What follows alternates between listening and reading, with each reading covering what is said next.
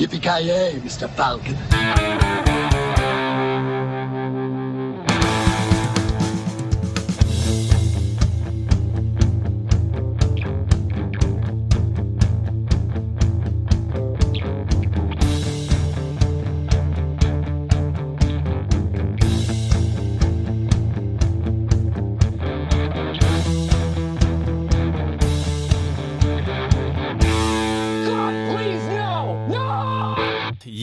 Jajamensan gott folk, hjärtligt välkomna till ännu ett avsnitt av Creative Meltdown Podcast. Avsnitt nummer 150 till ära. Eh, med, med oss idag är jag, eh, schizofren Nilsson här. Eh, med mig också är då Mr. Avoya, eh, Luleås eh, Pride och Enjoy. Hur är läget? Eh, Jag är hård och besynnerlig. Så pass. Mm. Jag är sjukt bra faktiskt. Eh, i- Det brukar ju vara ett helvete, men idag är det mindre åt helvete. Vad om detta? Eh, Nej, men jag kollade mig i spegeln och insåg hur jävla cool jag är. Så Ja, fan nice. jag, jag kom, fick en epiphany. Du, du, du är säker på att du inte bytte namn till Epiphany? Det här är ditt coming out party så att säga. Ja, jo, jo. Fick du inte, fick ni inte alla mitt interna mail? Nej. Att jag skulle bli, börja kallas för det? Okej, ja, fan också. Nåväl. Ja, hur som helst då. The Voice of Reason där som ni hörde i bakgrunden är då Mr. Joakim Granström. Hur är läget? Jo då, det är bra. Jag är lite lätt alkoholpåverkad så allting är ju lite så här lagomt eh, extra trevligt just nu. What else is new? Ja men precis, och dessutom ska vi faktiskt prata om en film som var underhållande att se på. Det händer ju inte så ofta i den här podden så att... eh, Nej fan, det här kommer bli bra det. Okej, men kort fråga där innan vi går in på den sista och, eh, ja, ja, den eh, sista i ledet här på medlemsskaran. Vad är det för drink vi sitter med här i dagsläget? Det är en sån Det är här... en tequila. Ja, precis. Nej, det, det är lättöl. Det var sån här Mariestads uh, julebrygd eller vad fan det hette som Ah. jag var, såg och vart jävligt sugen på bara helt plötsligt när jag var och handlade på Ica. Ja, bröd Och du känner dig påverkad av lättöl, vad fan är Du, du? jag vägde typ femårig 50 kilo, kom igen. ja men vad fan. Du är väl karl ändå? Tveksamt. Ja, vi får se om vi kan slutföra det här avsnittet då med den alkoholpromillen som förmodligen... Och den rösten som ni hörde där, där, det är ju en man som aldrig, som inte har varit nykter sen, vadå, sen den här filmen vi ska prata om kom ut. På dagen, det har- varit ständigt firande sedan 1997. ja, exakt. Fan, fy fan. Men som sagt, sist men inte minst, Kent Wikström, hur är läget? Det är bra, det är bra. Jag börjar känna mig lite Gunvald idag. Så Mycket, Då ska du säga att det är så Håll jävla bra. det är så jävla bra! det är mycket bad cop det här avsnittet med andra ord, eller vadå? Nej, men lite mer grannen i bäck. L- Lite som Granström, lite mer grannen kanske. Att man har nog tagit någon eh, vinare så att säga. Och Ja, okej. Ja, men, halvt eh, sjukskriven känner man, sig till. nice. nice. Ständig stödkrage. Det är ju bra liksom för eh, alltså morgondagen så att du kan ta ledigt efter den här inspelningen som kommer bli massiv då. Ja, ja, exakt. Ja, Ja, jävlar vad det kommer smälla idag. Ja, Yes. fan. Men som sagt, då gott folk, ni lyssnar ju då på avsnitt eh, 150 och det här är del 1 då. Och eh, ja, Kent har ju då tjatat hål i huvudet på oss under, eh, ja, jag skulle vilja säga flera års tid här nu, eh, sen vi startade podden, om en specifik film. En svensk film som vi har gjort massa referenser till nu i början av podden här. Och eh, det är då ingen mer eller mindre eh, trumvilver, tack. Eh, Bäckspår i mörker ska vi prata om. Äntligen! Helt otroligt. Eh, förhoppningsvis kan Kent sluta prata om den här filmen också efter att vi har fått det här ur världen också. Men vi får väl se lite vad som händer. Men, Är det eh, så det funkar? I så fall känner, kändes det som att vi måste se på... Eh, vad fan heter den? Mindhorn, Mindhorn. igen. Äh, fy fan. Det där kommer få en primer-effekt. Alltså, nu har vi den först i minnet också. Det, det är ju en mänsklig rättighet att prata om bäckspår i mörker. Så. Ja. Det känns Ja. som att vi behöver skriva om barnkonventionen där lite kanske. Det är ju vad Kent har kallat världens bästa film genom tiderna. Visst är det så? Ja men så är det, så är det. Alla Ja. kategorier. Där uppe med Citizen Kane och Gudfadern och allt vad det heter. Fra- Citizen Kane framstår ju som Mindhorn i jämförelse. Alltså, Ja, ja gud, gud, gud ja! Det är ett populärt uttryck. jag har ett trevligt koncept, det ska jag säga. Ja. Fylld med husgudar. ja. Ja, det, är, det här filmen är ju fan proppfull med hu- husgudar så in i satan.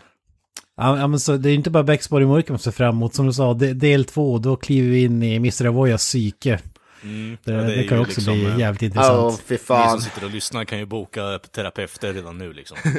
Detta vill verkligen spår i mörker alltså när vi pratar om mitt psyke.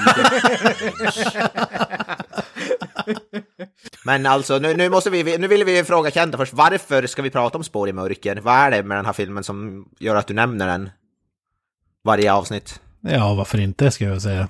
Ka- Kasta tillbaka den direkt. ja, det är ju fan en bra fråga. Micke P, Micke P. Ja, alltså, Peter ja, H. Alltså rolllistan i sig är ju motivation nog. Vi, vi kan ju, vi kan ju bocka, bocka av den direkt innan vi går in på vad som gör den här filmen fantastisk. Peter Haber, Martin Beck, Sune Sascha. Eh, Micke P, Persbrandt spelar Gunvald Larsson. Bästa karaktären som någonsin skapats, vill jag Eh, påstå. Eh, Per Morberg, TV-kocken, spelar Åh, fan vad guld! Jag älskar Sveriges Per Morberg. vresigaste tv-kock. Ja, fy fan vad kul han är. Och så har vi Sveriges vassaste skådis, Ingvar Hirdwall, som spelar eh, grannen. Jag, det, det som jag blev positivt överraskad i den här filmen, Micke Nyqvist för fan. Ja, Fan vad, Micke fan, Nyqvist. fan, fan vad kul det var att se, det hade jag helt glömt bort. Så jävla kul. Tur att någon kunde lyckas från den här filmfranchisen liksom. Jag, jag, känner att vi kan ju inte undgå att eh, nämna Björn Granat, eh, snubben Ja, som eh, var med i Sällskapsresan 2 Snowroller och skulle lära frun att åka skidor med fantastiska resultat. Tyngde på dalskida, men det var ju även direktör Jönsson, fyra personer. Han är, han är ju mer, han är även känd så från Kingsman Golden Circle där han spelar eh, Svenska Kungen tror jag att han spelar där. Och jävlar, han med i den. Fan, det hade jag glömt bort. Ja, han är även med i Jönssonligan, Svarta Diamanten. Åh, Spelar fan. snut där. Men det är ju självklart snowroller. eh, Ja, Björn Granat, fa- fantastisk. Hur kan man vara så stöddig när man har förlorat två världskrig? Ja, Liftwaffe. ja, men det, det stannar inte där. Som du sa, Mi- Mikael Nyqvist, eh, John Wick fame. You kill Ja, ja. with a fucking pencil. Eller vad han säger. Ja, alltså det är ju så här, så här kommer ju bli en klassisk line, alltså. Den kommer ju, det är ju fan, den är ju redan kult alltså. Kung. Ja. With a fucking pencil. Världens sämsta ryska dialekt. Så kung. Vi har ju, vi, har ju även, vi, vi har fler skådespelare som vi ska ta senare, men den viktigaste av allt, Gunnar Ernblad. Eh, gör ju eh, magisk röstskådespelare som bland annat gör eh, 10 av 10 000 röster i Silver Fang. Ben bland annat. Eh, Spelar ju en luffare på ett tåg som blir, eh, spoiler alert, halshuggen. Han, han är ju känd från massa grejer. Han gör ju Kingpin i Spindelmannen, tecknade serien. Eh, han är med i DuckTales. Eh, han är med i... Han spelar Igor i Greve Duckula. Hur fan man uttalar det på svenska. Duckula. eh, Dr. Claw, kommissarie Gadget. Och har ju typ 14 röster i Asterix-filmer och serier. Så det är ett tungt namn. Ja. Imponerande castlist måste man ju säga alltså. Mhm. Fy fan, Once upon a time in Hollywood kan slänga sig in i väggen. Vem var med i den Ja, alla. Ingen som jag har hört talas om Nej, någon tidigare, jävla... alltså. Di, di, di leva. Di inte- någonting. Ja, inte fan var det Björn Granat i alla fall. Nej, Nej. precis. Nej, fan. Och inte var det någon jävla Gunnar Enblad som dök upp där inte så att, Nej. jag menar vad fasken är det för något skräp?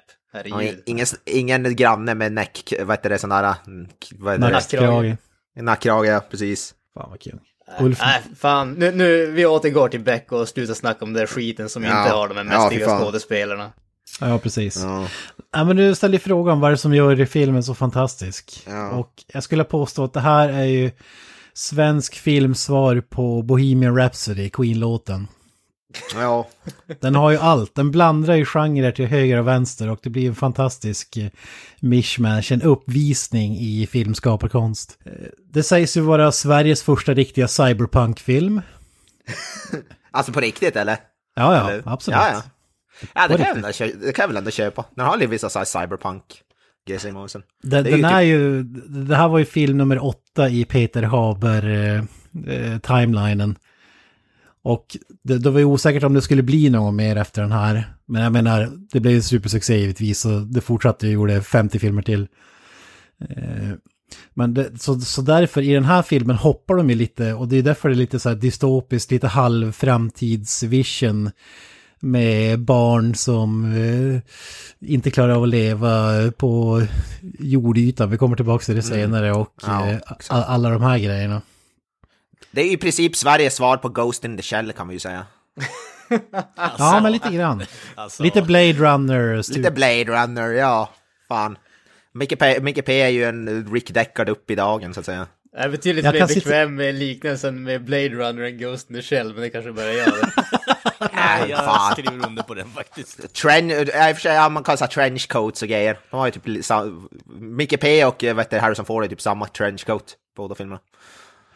Men vi, kom, vi har ju, för- förutom cyberpunk-delen så har vi ju action, vi har drama, vi har love story, vi har slasher-film skulle jag vilja påstå.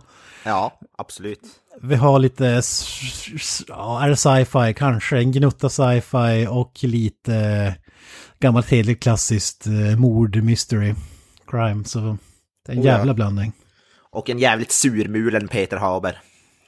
Vil- Vilket ju måste ju säga så är helt jävla underbart. Alltså filmen börjar ju så jävla bra alltså. Ja, ja, man har ju dessutom, man tog sig frihet med karaktärerna också.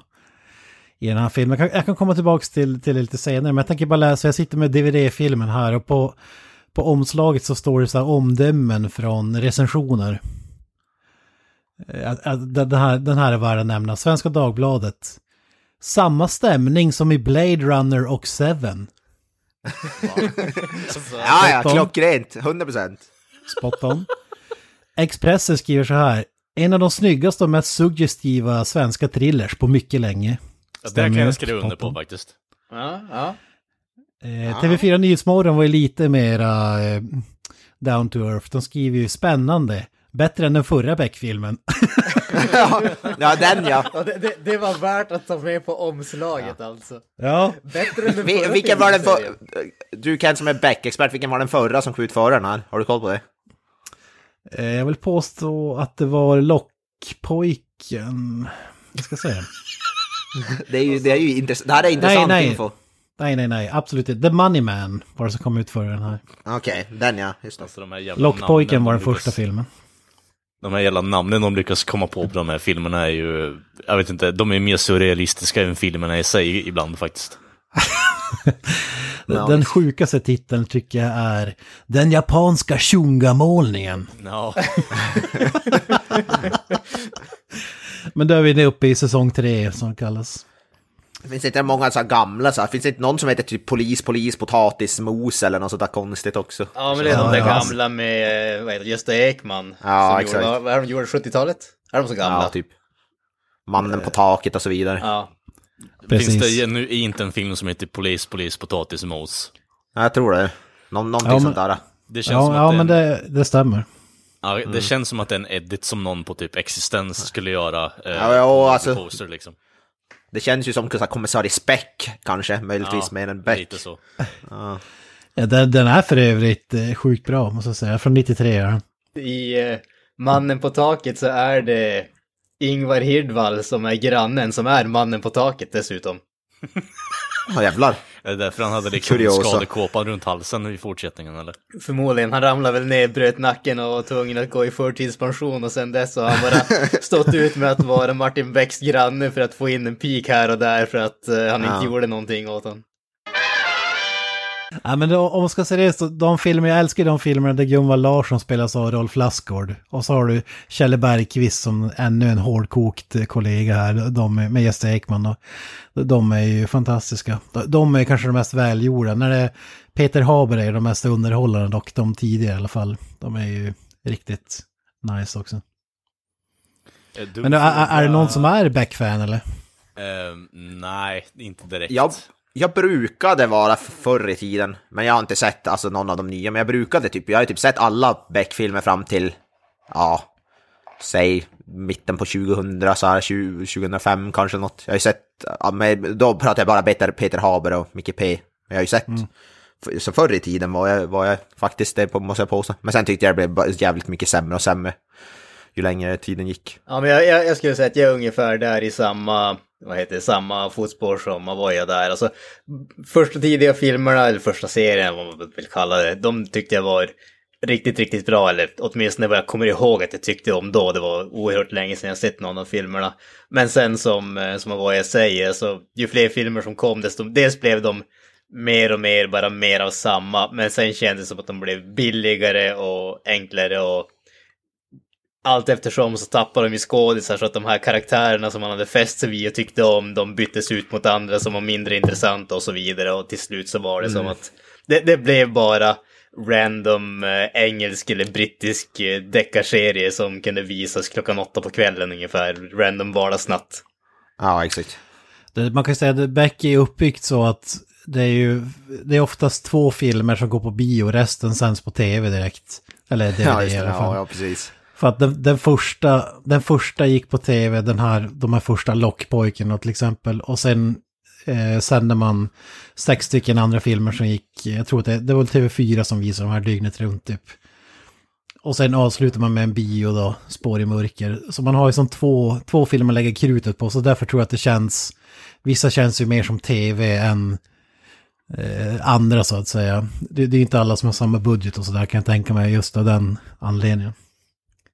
Ja, nej men så är det ju förmodligen. Alltså det, det är ju samma sak med väldigt många amerikanska tv-serier. Alltså de sparar ju liksom större delen av budgeten för de vissa specifika avsnitt som ska vara liksom event som man säger så för att eh, få in fler tittare och sen som där i mitten så är det inte så som påkostat och så intressant. Men det är väl samma sak här. De filmerna som ska visas på bio och liksom försöka locka in publiken till serien, det, det är ju liksom de som fick mest, eh, mest budget och mest, vad ska man säga, bäst handhavande eller hanterande från Mm, både skådespelare, regissörer och så vidare. Och sen de som var där i mitten som bara visades på tv, de var inte lika påkostade eller välgjorda och sådär. Men det har ju uppenbarligen hållit väldigt, eh, väldigt länge i alla fall, det konceptet. Så att jag menar, man ska väl inte klaga allt för mycket. Och de har väl inte blivit katastrofalt dåliga, även om de kanske inte är så där överdrivet intressanta alla gånger. Ja, de dog ju med Micke P när han lämnade. Men det, det är ju en senare diskussion. Ja, vad var det, vad var det som hände då? Då var det Game of Thrones-snubben, norrmannen, som tog över va? Hivju. Ja, han hiv ju, ja. Mm, exakt. Värdelös. Inte i Game of Thrones, men kanske i Beck. Ja, han fyllde ju inte eh, ut eh, skorna, om man säger så. Fy fan. Det är, det är väl vissa som gillar dem också på, på ett helt annat sätt. Men för oss som har vuxit upp med Gunvald-karaktären så är det ett jävla nedköp. Ja, ja.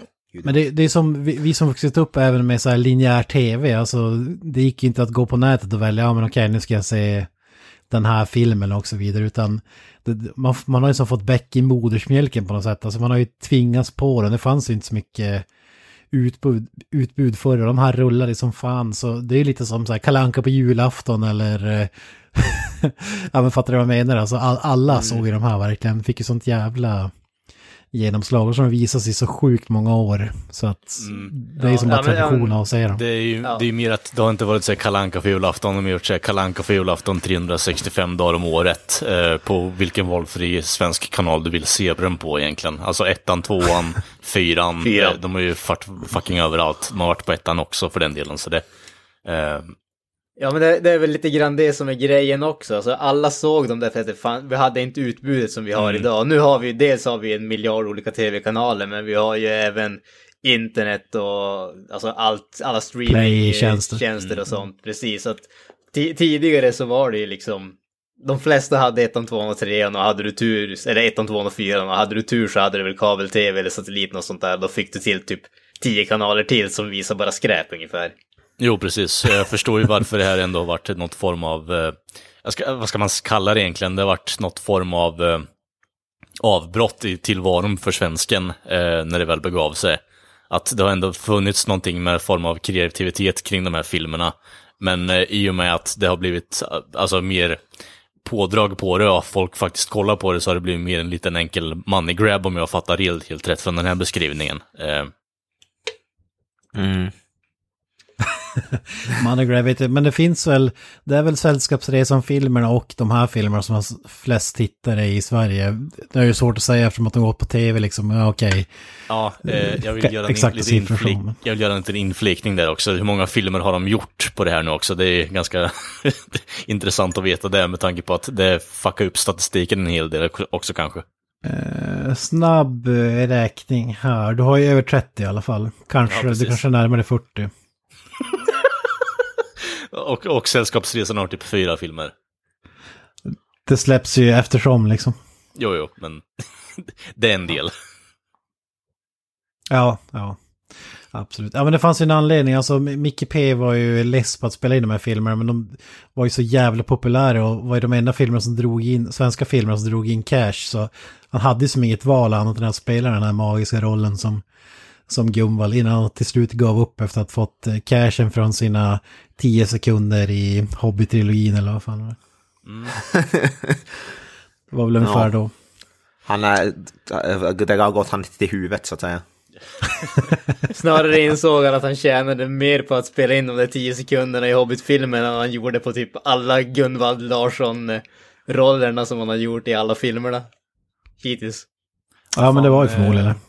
Vad fan håller Micke P på med nu liksom? Är det liksom han eh, bara vältrar sig i lyxen från de där tio sekunderna eller gör något nytt snart eller vad händer? Han, han har ju något program på typ T- TV4 nu när han typ, vet du, ha, vet du, typ hajkar, ett sånt här hikingprogram typ. Ja men på, på, på riktigt, han är ju typ, alltså han gör ju massa tv-serier och grejer och filmer här och där, men han är typ the hardest working man in, eh, inte Hollywood, vad heter det svenska motsvarigheten, Dramaten. Han är ju ett super teaterföreställningar hela jävla tiden och sådana grejer liksom. Mm. Ja, han gör ju mycket så här teater och sånt där. Den, han har ju någon så här ganska populär inbillade sjuke tror jag han heter, någon sån här, som han håller på med just nu, som har fått jävligt bra betyg och så vidare. Som Kent säger, han, gör- han gör jävligt mycket teater och sånt där skit. Så han har fallit tillbaka till eh, svenska publiken med andra ord. Eh, Alltså han gör ju allting, det är det som är grejen. ja, Jo, jo, men både och. Han, var ju, han, han är ju i Hollywood eh, titt som tätt. Fan. Han, han var Ja. med i den här eh, Girl in the Spiders Web, det är inte så nyligen, inte så han länge var sedan. med? Jaha, det visste jag fan inte. Hade ju en roll där. Hobbit-filmerna och så vidare. Han eh, har ju mindre roller. Eh, King Arthur-grejen där. Ja, just det. Ja, så han, eh, han är ständigt aktuell. Flitig man. Flitig karl. Ja, fan det är ju det är ju min, min Avoyas husgud. Fan. Ja, ja, ja. Fan, vi gjorde ju, kuriosa, men vi gjorde ju eh, i, när vi studerade ihop och pluggade journalistik så gjorde vi ju gräv, grävjobb på Micke P. Vi, vi, vi har väl diskuterat det i ett av de tidigare jubileumsavsnitten när ni drog upp hans betyg och vad det nu var. Så. Ja, just det, ja. Exakt. Ja, cirklar sluts. Vi har, Mr. Voya tog ju ut allt från hans typ mellanstadie, högskole, nej, högstadiebetyg Ja, till exakt. brottsregister till vad han har för fordon Ja. registrerade och ja, det, you name it. Jävligt duktig i skolan var han ju. Skoseläck. Det var lite som- stalkervarning. Det var, det var ju rätt sjukt, nej men han är ju han var, hade ju jävligt bra betyg. Han är typ, fy fan. Han är, Väldigt han bra är, han är, han är väldigt bra på att krascha bilar också tydligen. ja, ja det också. Han, han har väl råd med de där 10 sekunderna från Hobbit till Mannis. Dräller i huset hans. Han har ju en edge som få svenskar har alltså. Mm. Det Ja, det ska, man, det ska man faktiskt ge han. Han har, han har pondus på ett sätt som inte så många har. Även om jag Ja. måste säga att jag varit förvånad över hur intensiv eh, Peter Haber var i vissa delar av den här filmen faktiskt. Han hade Ja. energi här liksom, det var ju 97 för fan, det är inte så här 2019 nu. Nej, det, är så, Ja, han det, det är han- sant. Det, det var på den tiden då han dels gave a shit men också kunde använda sina ben. Exakt. Här var ju för fan på, vad heter det, Sunes, eh, Sunes sommartiden, när han var, när Peter Haber var, eh, ja, hetare än hetast så att säga. Ja men det var ju, det, det är det som gör, det är det som är så jävla imponerande. Han var ju så jävla förknippad med Stunes farsa från de här komedifilmer och så var det så här, fan kan man ta honom på allvar? Men han, är- han är ju så pass bra skådis att man köper honom. Man, man glömmer bort det där Sune, Sune-stämpeln. Det, det är fan inte många som skulle klara av det tror jag. Och nu är han typecastad som Martin Beck istället så. Och Han gör ingen annan han- back, Han har gjort närmare 40 filmer som den rollen, då får man säga att han har typecastat sig själv skulle jag Ja, påstå. faktiskt. faktiskt. Ja, men det är inte så att han spelar kriminalkommissarie i 48 andra eh, franchise direkt, om man säger så. Men jag fattar vad du menar. Han, han, han har ju blivit Martin Beck, så, så Jo, är det precis. Det var liksom lite där jag syftade på också. Och den utförs med någon form av skarpt instrument, eventuellt ett och samma. Precisionen i snitten, appliceringen liknar varandra. Offren har naturligtvis avlidit omedelbart och... Eh, Och du, eh, Martin, har utsetts till operativ chef och... eh, Varför det? därf- Varför? Har du något emot det, eller?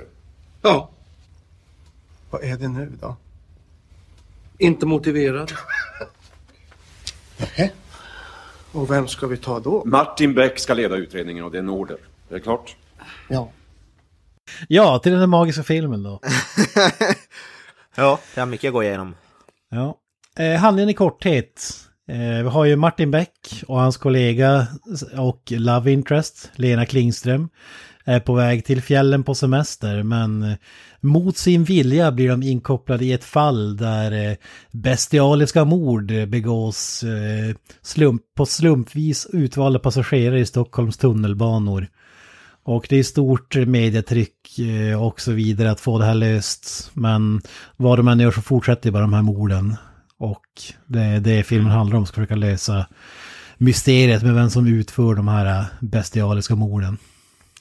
Martin Beck kan bli tagen från sin semester också, han blir jävligt förbannad över det. Alltså inåt helvete vad sur han blir. Här är ju ett karaktärsdrag, i alla andra filmer har han ju prioriterat jobbet före familjen och så vidare. Han, hans fru har lämnat honom, hans dotter hatar honom typ för att han aldrig är där och så fort de träffas så är det jobbet. Och, och här är det ju tvärtom, här är det han som ska på semester. Det, det tycker jag är en kul eh, twist ändå, men det, det går inte hand i hand med hans karaktär i de övriga 39 filmerna. Typ. Ja men det, det är så underbart att han, eh, han blir så jäkla störd och upprörd över det. Jag älskar när han har kommit tillbaka och de har det här första mötet med eh, Ja, det, ja. gruppen han kliar sig i ögat med långfingret vänt mot Gunvald Larsson och så var den som ringde tillbaka. Han, det, var- det var liksom det första stora gapskrattet som jag Ja. fick i den här Han, filmen. han, är som, han är som en tju- tjurig skolunge i, hela, alltså, i stora delar av den här filmen. Ja men det är så underbart, det är ju så Ja. underbart. Ja. Ja, bra faktiskt skådespeleri Peter Haber, jag blev positivt överraskad faktiskt. Jag är Överraskad inte motiverad. Ja, oöverraskad, men det var bättre än vad jag kommer ihåg om att han var i alla fall. Ja, men jag, jag kan tänka mig också, just för grund att de inte visste om det skulle bli fler filmer, att ska det bli så att han eh, hänger upp trenchcoaten på hyllan eller kommer han fortsätta lösa mord i 40 år till? Och vi vet ju att det blev ju 40 år till. 40 år till. Ja, Fy fan. Jag menar, han, han är typ too, I'm too old for this shit redan här och det här var 97. Och senaste Beck-filmen kommer ut i fjol så... Ja, alltså han måste ha varit, han måste ha varit ändå i 40-årsåldern redan där va? Visst var, måste han ha varit något sånt? Han är 66 år gammal idag i alla fall. Ja, ja och det här är 20 år sedan. Ja, men då- då har du nog ganska Ja. rätt där. Ja, fy fan. Ja. Då ser han ju faktiskt sjukt gammal ut för sin ålder alltså. Ja, och något jävligt. Det är som att han föddes tunnhårig. Ja, men alltså, han- har ju lite grann av det där, han, han har ett gubbansikte om man säger så. Alltså det, jag har jävligt svårt att se med Peter Haber som tonåring om man säger så. Ja, jag tycker Micke P är ju tvärtom. Han ser, tycker jag alltid ser ung ut. Han ser jävligt, typ, jävligt bra ut för sin ålder. Han är ju jävligt mycket babyface i den här filmen också måste jag säga faktiskt. Ja, något jävulst. Han ser så jävla slim ut också tycker jag jämfört med Ja. vad man ser om nu. Alltså. Och då är han inte tjock, men han ser bara så jävla liten ut på sig. Ja, ja, det ser ut som en pojkidol typ. Som att han skulle vara med med One Direction. Typ om Justin Bieber hade varit badass, så ser ut. Badass Justin Bieber. Han, fan, Micke P kan, om de gör en sån här biopic om Justin Bieber, kan han spela någon sån här äldre Justin Bieber. Perfekt. Shut up and take my money. ja, fy fan. Ja, innan vi går in på, på handlingen tänkte jag bara säga lite kuriosa. Filmen släpptes ju i slut, sista oktober 97. Februari 98 var den ute på video. det tog inte många månader alltså innan den Ja. kom ut där. Den ju fan nyss fyllt, den ju nyss fyllt år den här filmen. Bara för några dagar sedan. Hade den ju sitt 22 födelsedag. Ja, Det är ju stort. stort grattis. Stort grattis, stort grattis. Men ska vi in, innan vi går in i, i själva handlingen och sådär, vad, vad säger ni? Kalle, var du, var du imponerad? Eller hade du sett den tidigare förresten? Eh, nej, jag har inte sett den här innan faktiskt. Jag har ju varit kär, eh, eh, som jag sa innan, jag är inte så jättestort fan av det. Det har varit mer som att det har existerat i periferin innan. Eh, morsan och farsan är ju väldigt frälsta i de här filmerna, så eh, man har ju fått det på sidan av och sen har man skitit i det, om du förstår vad jag menar. Men eh, Eh, jag ty- alltså öppningen på den här filmen och eh, vi pratar mycket hantverk eh, i den här podden. Jag tycker att hantverket är fruktansvärt stilrent i början alltså. Öppningsscenen i regnet där eh, det, det tog mig lite på eh, sängen där faktiskt. Jag var lite inte riktigt förberedd på den så jag satte mig faktiskt och fokuserade mig gravt på resten av filmen efter det faktiskt. Så eh, positivt överraskad ska jag vilja säga faktiskt. Ja, man, man märker ju i, i många av de filmerna, det är Kjell Sundvall som är regissör. Han är ganska straight forward, men här, här var det en dansk, Mårten Arnfred, som bland annat gjorde tv-serien Riket med Lars von Trier. Ja, kung. Ja. Det är, det är mycket så här, äh, alltså han har lite Dutch angles och han har first person äh, filmning och äh, ja men det, det, den är jävligt, jag håller med, den är, den är inte filmad som en bara standard formulär 1A-film utan Nej. den är ju faktiskt äh, något mer än så. Jag tycker man märker att det är en, inte en svensk regissör, för jag tycker danskar, de är jävligt bra på att det finns mycket bra dansk film tycker jag. Och jag tycker det märks att man har tagit in och... För svenskar, de gör film på ett jävligt speciellt sätt som du säger, jävligt straight forward. Det är typ samma scener i varenda svensk film, liksom. Det, det, jag tror också lite där just Beck-filmer att man vet exakt vad folket vill ha och varför ska vi inte ge dem det? Alltså, eh, li, lite av den grejen också. Jo, fast alltså jag kan tycka att eh, det de gör i den här filmen är ju att spela mycket på gimmicken kring eh, ja, datateknik och liknande och sånt också. Och eh, mycket night vision goggles. Och eh, bara i introscenen när de kommer upp med, eh, alltså, vad fan heter det då? Int alltså, titeln på filmen, så spelar de ju vidare på det eh, och sätter in det i eh, loggan. Vilket jag tycker är väldigt sägande för filmen i sig. Att de spelar väldigt mycket på gimmicks i den här filmen, speciellt med eh, eh, filmningen, vilket faktiskt är fruktansvärt upplyftande att se i en svensk film, faktiskt. Man älskar ju också öppningsscenen i regnet, en gångtunnel med en unge som ett, med ett leksakssvärd och Ja. ljudeffekterna är fantastiska. Det, det är som en sån här ninja-film och så lite så här Star Wars-aktigt när han riktar det här svärdet mot en snubbe där. Det låter som att det liksom tänds, lightsabern tänds ungefär. Ja. lite så. Kung, och är det väl ungen heter, han ju kung. Fan vilken gud. Han, det är typ jag, det där var typ jag när jag var tio barre, gick omkring med träsvärd och viftade. Det, Alltså, det var typ, du det var där är inte typ jag. Badass. Du var inte lika badass som Jens var när du var att, tio jag, bast, alltså. att jag var, Nej. att jag var, jag, jag och Jens var bundisar. Hard Han har- den faktiskt. Han har den där skinnjackan som är tio storlekar för stor och så ett Ja, träsvärd. ja, exakt. Ja, fy fan vad kung. Ja, vad säger du då, Mr. Oja? Det, det är väl ett mästerverk, eller? Alltså jag gillar ju, det här är förmodligen den Beck-film jag har sett flest gånger tror jag. För jag får mig att jag såg den några gånger när jag var yngre faktiskt. Eh, och det var just på grund av, alltså det har ju så här lite tv-spels-connection som vi kommer att prata om sen, men det var ju mycket det och den var lite mörk och lite nästan, som du sa, slasher-aktig. Och sådär lite coolt med, med lite cyberpunk och så. Så det är nog fan den Beck-film jag sett flest gånger och förmodligen, ja förmodligen är det den bästa Beck-filmen tror jag i alla fall. Ja, en av dem definitivt. Det, det, när, vi, när man pratar Beck så är typ den här den enda jag kommer ihåg rent specifikt, som jag kan nämna specifika grejer från, faktiskt. Så ja, det, jag tycker... Ja, det är alltså, typ jag den som jag inte tycker, smälter ihop med övriga. Typ. Ja, jag tycker, jag tycker den är förvånansvärt bra faktiskt, även om en del scener tycker jag var lite så här cringe-aktiga, men eh, för, för, för, att vara svensk kriminalfilm så står den ut från mängden i alla fall. På ett bra sätt. De är nyfikna på Granström. Ja, alltså jag som eh, på senare tid alltid har varit en negativt inställd till filmerna som vi ser tillsammans. Måste jag erkänna att jag var faktiskt eh, positivt överraskad av den här filmen.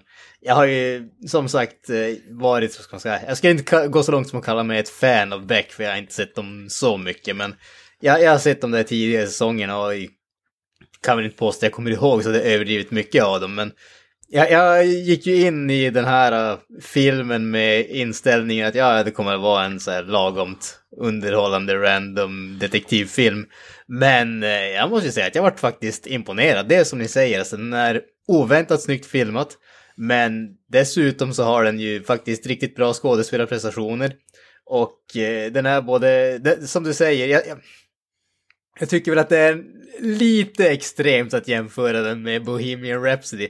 Men de, den blandar faktiskt väldigt friskt från olika genrer och gör det över förväntan måste jag säga. Det, det jag tycker definitivt att eh, uh, den, den håller större delen av filmen. Den tappar mot uh, slutet om man säger själva upplösningen av mysteriet. Det blir lite väl mycket 80-talet eh, PMRC försöker sätta stickers på eh, musikskivor och säger att det kommer att bli samhällsförfall.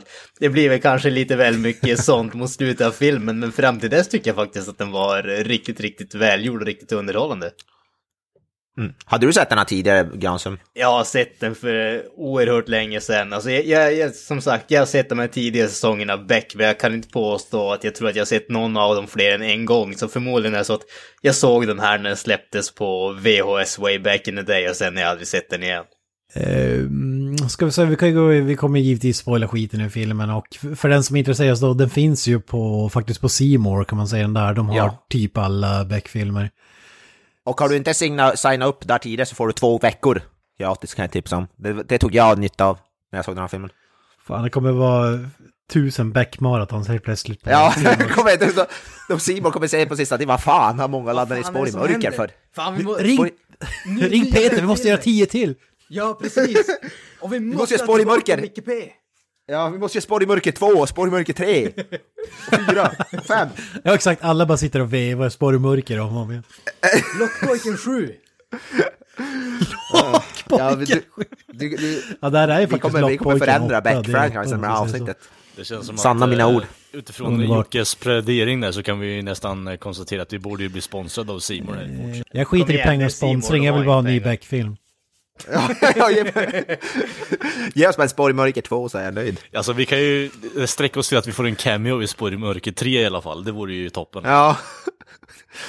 Eh, ja, jag vill spela mördaren i nästa spår i mörker. Jag vill bli mördad av grannen. Fan, tänk så, så kommer det någon så här sista, allra sista Beck-filmen och så får man reda på att vad heter det, han- grannen ligger bakom alla mord i alla Beck-filmer. Han är som mastermind. Hade inte varit ultimata twisten. Jigsaw fast i Beck-universumet. Ja, exakt. Ja, det är de där jävla groggarna som gör att en synaps släpper i huvudet på när man bara blir skogstokig. Ja, ja, vill du spela ett spel eller vad? Vad fan? Men jag tänkte, Jigsaw, do you want to play a game? Han vill Jag spela tänkte ett på spel. dialekten där i och för sig. Ja, det är mest jag, liksom, mer än... jag försökte, jag försökte starta någon slags, jag vet inte vad jag försökte på. Jag improviserade Sumi. Du kör roll, rollflaskor i jägarna var det typ du kör. Vill du spela ett spel? Visar! Ja, men man vill ha, om det visar sig att han är någon sån här vigilante crime fighter och tar på sig en mask och spöar bad guys på kvällarna, det var ju fantastiskt. ja, exakt. ner folk med Smirnoff-flaskor och skit. För kung. The Liquor Man, ja det hade fan Ja, varit- precis. Liquorman, det låter som parod parodi på Wickerman. Stödkragen, det fälls bara upp som en kupa så här i hans huvud och så är hans identitet. Skydden. Det blir som en skyddshjälm liksom. Eh, nej men tillbaka det här, alltså vi, får ju, vi har ju en genre till som jag inte ens nämnde, datahacker-genren. Ja. Kanske inte... Jag, jag vet inte, för mig så ligger det nära science fiction, men det, det ja. ja. Ja, du tänker på Keanu Reeves-filmen med cybermunkarna och, och den kopplingen kanske. Ja, men jag tänker väldigt mycket, alltså science fiction har ju väldigt mycket med datorer och teknologi att göra. Det känns som att hacking-biten är ju som en ganska... Det, det ligger väldigt nära det i alla fall. Så för mig så ligger det under science fiction skulle jag säga. Ja, Okej, alla filmer med datorer i är science fiction. Då kör vi. Absolut. Eh, för, för att det är någon som hackar datasystemen eller säkerhetssystemen och släcker ner perrongen på Eh, i tunnelbanesystemet i Stockholm på utvalda platser och det är faktiskt ganska skrämmande tanken då. Så alltså, fan om man hade varit där, eh, det skulle bli kolmörkt. För det här var ju innan mobiltelefonernas ficklampetiden. Inte för att det nu kanske skulle hjälpa så jävla mycket men om det skulle vara kolmörkt nere där i underjorden då skulle det vara ganska spooky, eller vad säger du? Ja, ja, ja. Det är väl en kolsvart perrong mitt i natten liksom. Det är fan ganska creepy. Alltså jag vet ju inte vad ni tänker, men jag tänker att nu har jag min öppning att göra vad fan jag vill så att... Du behöver- Helikoptern. Grasup ser det som att nu kan jag gå och olla hela perrongen. Ja, för fan. Kan... När, de tänder upp så, hela tiden bara utifall Ja. att... när de tänder upp igen då står Gran som helt naken. Bara, okej. Gnider sig mot en stolpe. Nej, nej, nej, jag försöker inte komma, jag kollar bara på att hålla den. Nej, alltså, jag känner att du gör ju ingen bortförklaring. Du liksom bara stirrar folk i ansiktet och gör saker du skulle fortsätta göra, långsammare bara. Sant, Ja, sant. fan. Det, Fan det är fan vad erotiskt. Ja, ja, Det är bara this is not where I park my car. Och så går. Går sakta tillbaka mot högen med kläder liksom och tar på sig dem och går Så gnider sig upp mot någon jävla hobo och så bara Oops, this is not where I parked my car. Ja, fan. Fan, Det här har mycket med spår och mörker och Beck att göra. väldigt mycket. Det, det här var ju så skräckinjagande så att SL sa ju först nej till att de fick inte filma nere i, i tunnelbanan för att de var rädda för att folk skulle bli så jävla rädda för att ta tunnelbanan att det skulle gå att släcka ner att någon mördare skulle komma och döda dem att de skulle börja ta bussen eller taxi istället så de, de började till och med scouta så här platser ute i Europa. Vart fan kan vi spela in de här med tunnelbanor? Eller måste vi skita i filmen helt? Men eh, till slut så övertalar de då att för det var någonting, det visade sig att man kan inte rent tekniskt släcka ner hela en hel perrong på det sättet som man gör i filmen utan det är någonting som gör att det inte går. Frågar mig inte hur. Eh, Så då kör de, men det är ganska intressant att de vill stoppa ett jävla Beck-film skulle sätta skräck i hela jävla alla Stöckholmare. Det hade ju varit... Alltså det här är fan de vaga minnen av nu när du säger det där. Det där kommer jag fan ihåg tror jag. Fast alltså, det där är ju inte, alltså, jag kan ju förstå varför det blir ramaskri egentligen med tanke på att det skulle ju potentiellt kunna hända. Det är ju det som är lite själva tjusningen med den här filmen, att det ligger ändå lite grundat i verkligheten. Sen absolut att det blir på den extremen att det är väldigt så här asociala människor eh, som är kopplat till det. Det är ju en helt annan sak att de tas till den extremen, det är lite speciellt. Men alltså, det är ju inte riktigt, eh, alltså det, det, möjligheten finns ju, eh, är det väl komma fram till i det här. Så det, jag förstår varför det blir ramaskri hos SL där faktiskt. Ja, det är ju ingen långsökt tanke egentligen. Om det ska bli strömavbrott eller alltså vad fan som helst. Det är inte... Och så kommer det någon jävel som har armé-grade, liksom night vision goggles och skär halsen av folk bara på perrongen. Ja, det är det. Och, och vi får ju se att de har så här äh, mörkare glasögon, militär-style. Och sen använder de en fucking machete till att äh, halshugga en kvinna på perrongen. ja. De, de ser ut som Splinter Cell i princip. Allihopa. Ja, Sam Sam, Fisher. Sam Fisher. Ja, den här filmen är före sin tid på många sätt alltså. Ja. Jag gillar att de säger svärd, men det är ju inte svärd de har. Alltså, de är ju, det är ju som du säger, det är ju machetes, men alla bara "Åh, de dödar folk med svärd. Men det där är fan inte svärd, vad fan snackar ni om? Ja, men, äh, Mi- Micke P säger ju machete senare i filmen i alla fall. Ja, Ja, men är, det är är, fan- det men inte han, den här... han är ju smart i alla fall. Ja, men är det inte för att de använder eh, svärd i spelet så att säga och det ska Mm, väl vara just typ likna det i verkligheten och det närmaste de kommer det är väl machetes för det är inte så många som har svärd, svärd i verkligheten. Ja, precis. Men efter det hemska mordet, och jag måste säga, det är ju filmat på ganska, det är ju så här en från mörkerglasögon, äh, lite som Predator-aktigt, eller vad man ska kalla det, first person med, och så andas snubben tungt och smyger sig på den här kvinnan. Det Ja. är lite, lite coolt ändå tycker jag. Man, man fick ju definitivt lite Mm. vibbar från eh, När lammen tystnar där. Är det kanske bara Ja, jag? faktiskt. Mm. Ja, just det, ja, slutscenen när lammen tystnar. Ja. Ja, Ja. exakt. Men då klipper vi till äh, Martin Beck då. och hans, han packar för semestern. det, det tycker jag också är, är rätt skönt. Han, han hör om det här mordet i tunnelbanan på radion och så tänker han fan också, nu kanske jag måste jobba. Så han, han ringer till sin, sitt love interest och säger ja men vi ses imorgon och så drar han ur telejacket så, att- så att de inte kan ringa honom.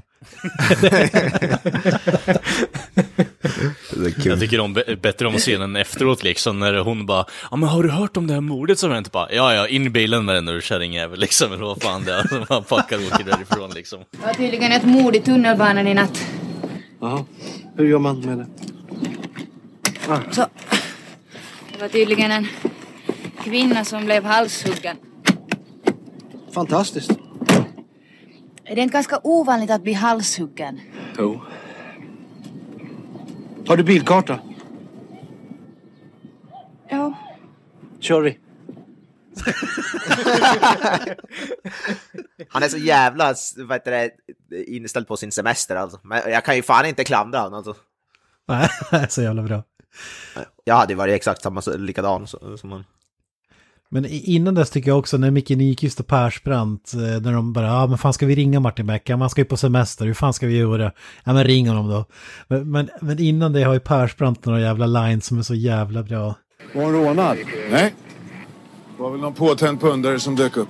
Med machete? Förra veckan såg de en på plattan som hade en trädgårdssax under jackan. Inte fan skulle han klippa häcken med. Han svarar inte. Ligger väl på hålet. Med... ehm, Kriminalinspektör Lena Klingström. Stör du dig? Nej. Stör mig. Chef alltså. mycket one-liners i den här filmen alltså, det är fan sjukt alltså. Ja, man inser ju Micke P's storhet, eller vad säger ni? Alltså, han har ju så jävla Ja. comedic timing också. Ja. Jo, fast mycket ligger i klippningen också, så jag vet inte. Ja, jag tycker fan Micke P. Det är en kunglig scen, fast jag vet när han bara sitter och käkar en jävla macka och så kommer Per Morberg och bara, Kan du gå ut? Och så, börjar, så sitter han helt tyst bara och fortsätter så käka bara. Och så typ, typ nickar så bara går han bara ut utan att säga någonting. Ja, kungligt. Eh, Men innan vi får veta vilka som utför de här hemska morden så är ju bevisen pekar mot en annan kille som klipps, som vi klipper till då och då. Samma snubbe som var med i första scenen här under gångbron. En, eh, vad fan kallar man det? Säger man lokförare när det är tunnelbanetåg? Jag vet inte. Tunnelbaneförare går ju liksom. Ja. Chaufför kanske? Chaufför, ja. N- Något åt det hållet. Det, det känns inte som att det är det mest relevanta. Han kör tunnelbana. Ja, Det här måste vi reda ut. Tunnelbanepilot. Ja, precis. Stopp och kör Fy Fan. Eh, ja, men han, han är ju han är hemma och bråkar med en eh, tjej i sin lägenhet. En, en tjej med massa ärr i ansiktet. Och då är det vinklat som ett svartsjukedrama, typ Vem har du varit med och vart har du varit? Och den där grejen. Men det visar sig sen i filmen att det är något helt annat han frågar om. Alltså det, det, det som jag känner just, och det är egentligen när det är någonting som gäller båda de här karaktärerna. Det, det är ju hur... eh, när shit goes down och allting så pratar de hela tid, tiden om att eh, han, eh, Erik eller vad fan han heter, han försöker skydda henne och han bryr sig så extremt mycket om henne. Men det enda vi har fått se är när de här två karaktärerna bråkar och sen sticker de ifrån varandra och så liksom, man, man får ju ingen sån där, eh, man, man får inte så mycket sympati för karaktären eller deras situation för de, de är i misär redan från början och de verkar liksom bara skrika och bråka och hata varandra ungefär och sen ska man köpa att nej, de betydde extremt mycket för varandra för de har en backstory ungefär och det, det, det är väl kanske lite grann därför jag inte tycker att eh, att, karaktären i sig är så där överdrivet eh, intressant eller djup direkt. Men jag kan inte tycka att jag... Alltså det, det är inget fel med skådespeleriet tycker jag. Jag tycker inte att det är en dålig prestation eller någonting sånt. Men det känns som att karaktären är inte riktigt så välskriven som den kanske borde ha varit. Ja, det med, meningen med karaktären är väl att de ska vara jävligt irriterande också kan jag tänka mig. Och det är därför jag inte riktigt... Det är bara, ja, fan kan vi snabbspola förbi det här tjafset liksom. Även om det är inte dåligt skådespeleri som du säger så är det fan jobbigt att kolla på. Men vi kör ju, polisen ska givetvis ner i tunnlar och undersöka, lösa det här brottet. Och Micke P tar ju med någon gubbe där som, ja, han visar vä- tunnlarna typ och visar att det finns miljoner ingångar och det är typ omöjligt att hitta någon där nere. Eh, Och så hoppar vi till, eh, det här, efter det så händer ju ett, ett till mord. Eh, Men då är det tåget och då är det den här Erik, vi sätter karaktären så. Jag tror det. ha, hans tåg stannar helt plötsligt och det släcks ner i vagnen. Och då får, då får vi ännu en sån här horror grej då när han går, ska gå längre bak i vagnen och berätta för de som åker att ja men ta det lugnt, det är bara tillfälligt stopp och så vidare. Och då får vi några klassiska jump scares och grejer. så, Jag tyckte om den. Jag, jag, tyckte om ju- just det här att de, de går från en stil eller en genre till en annan och det faktiskt fungerar tycker jag. Att jag, jag, jag måste säga att jag tyckte om det. Det kändes... eh, Det, det var välgjort och det kändes ändå... Jag måste säga passande tycker jag. Jag tyckte om den här biten faktiskt. Jag skulle säga att det här är faktiskt den biten med den här karaktären som jag tyckte mest om. Mm, jag tycker han är bra, skådisen som spelar. Nu vet jag inte vad han heter, men jag tycker faktiskt han är förvånansvärt bra. Och den här scenen var ju, den var, det var lite sådär skräckfilmsstuk på den. Vilket jag gillade också faktiskt. Fungerade som Granström säger förvånansvärt väl faktiskt. ja, han heter Carlo Schmidt. Ingen jag har hört Nej, just det. Han, nej, nej, han ja. Spansk-tysk eller vad? den, den mest förväntade kombinationen. Ja, jävlar. Han är tydligen manusförfattare. Jag skriver manus till Rederiet bland annat. Det var som fan. Men hur som helst, han, här hamnar ju på eh, giganten Gunnar Arnblad som spelar en långhårig luffare som... Eh, han letar efter en toalett. Det är så här spooky shit. Eh, Åh, ja men fan, vart är toaletten? Och så bara, ja men då får jag pissa på sätet istället, eller vad fan han säger. Så, Vill du vara snäll och ta ner foten från sätet?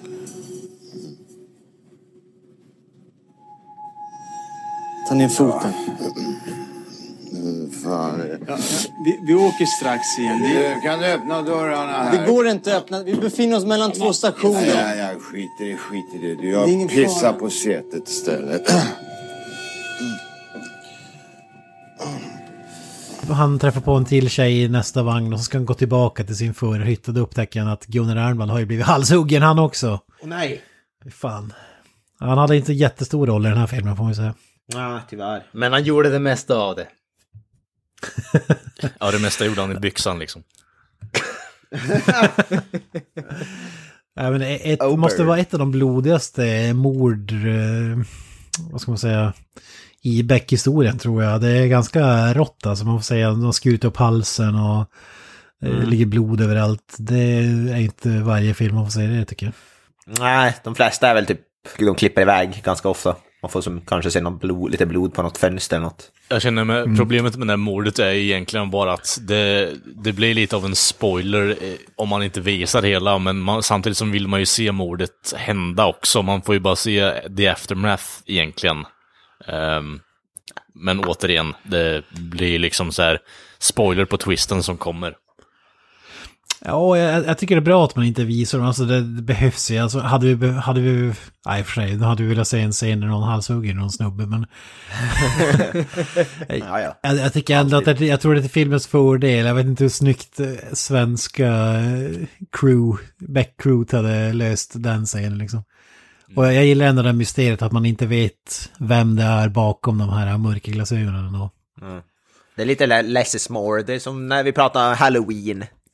Kent, Kent Exakt. under på. Den här filmen, om vi ska dra in ännu en eh, stor jämförelse så, inga jämförelser i övrigt, men just det här att den har eh, uppbyggnaden och sådär är, är lite samma och framförallt att man för, förklarar inte, allting behöver inte förklaras, lite som i Halloween med Michael Myers och det, i slutet av den här filmen är det också så att Fan, du behöver inte förklara exakt vad fan det här är. Vi, vi, det spelar ingen roll. Vi köper den då liksom. Alltså, de, de delarna gillar jag också.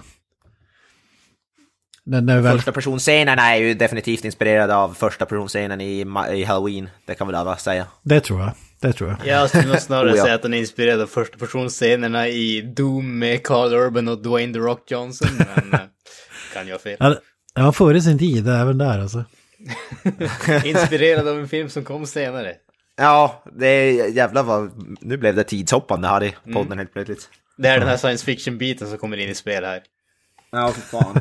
Våran podd är lika komplicerad som filmerna vi pratar om. Vi får även bevis på vad som gör Martin Beck till Sveriges bästa mordutredare. För att, eh, ja det, det, det visar sig då när de, man, man stänger ner tunnlar och försöker hitta de här som har gjort det, men hittar ingenting. Och så visar det sig att det är bara lokföraren, eller vad fan ska jag kalla honom, vad sa ni, piloten. Tåg, tågpiloten pilot. som har en viss nyckel. Ja. En viss nyckel som kan göra de här grejerna och därför är han intressant i utredningen. Men jag gillar ju när Martin Beck sitter och spånar på kontoret. Det tar honom 30 sekunder att lista ut att det måste ju vara att de släcker ner perrongen och de, de måste använda nattkikare för att kunna smyga sig på någon. Att halshugga en person på ett sånt sätt så att personen inte reagerar eller försöker värja sig. Det är osannolikt.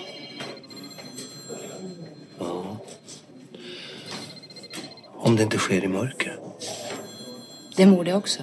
Ja.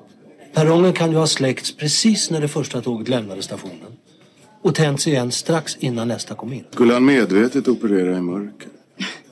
Hur, hur ska han kunna göra det? Nattkikare. Det är fan inte många som hade gjort den Ja, kvällen. fan. Nej, Han är fan smart alltså. för den delen liksom. Ja men det är det som är grejen, det är det som är så Det är, jävla därför, kul. det, är därför han, det är därför filmen är döpt efter han, för fan. Det är ju, de, heter, de heter ju inte Gunvald Larsson, även fast de borde heta det. Men, Jävla mastermind. Det, det är lite som så här Sherlock Holmes eh, när han räknar Ja, ut exakt. saker i slow motion. fan, Peter Alber var en kunglig svensk Sherlock Holmes. Svenska adaptionen.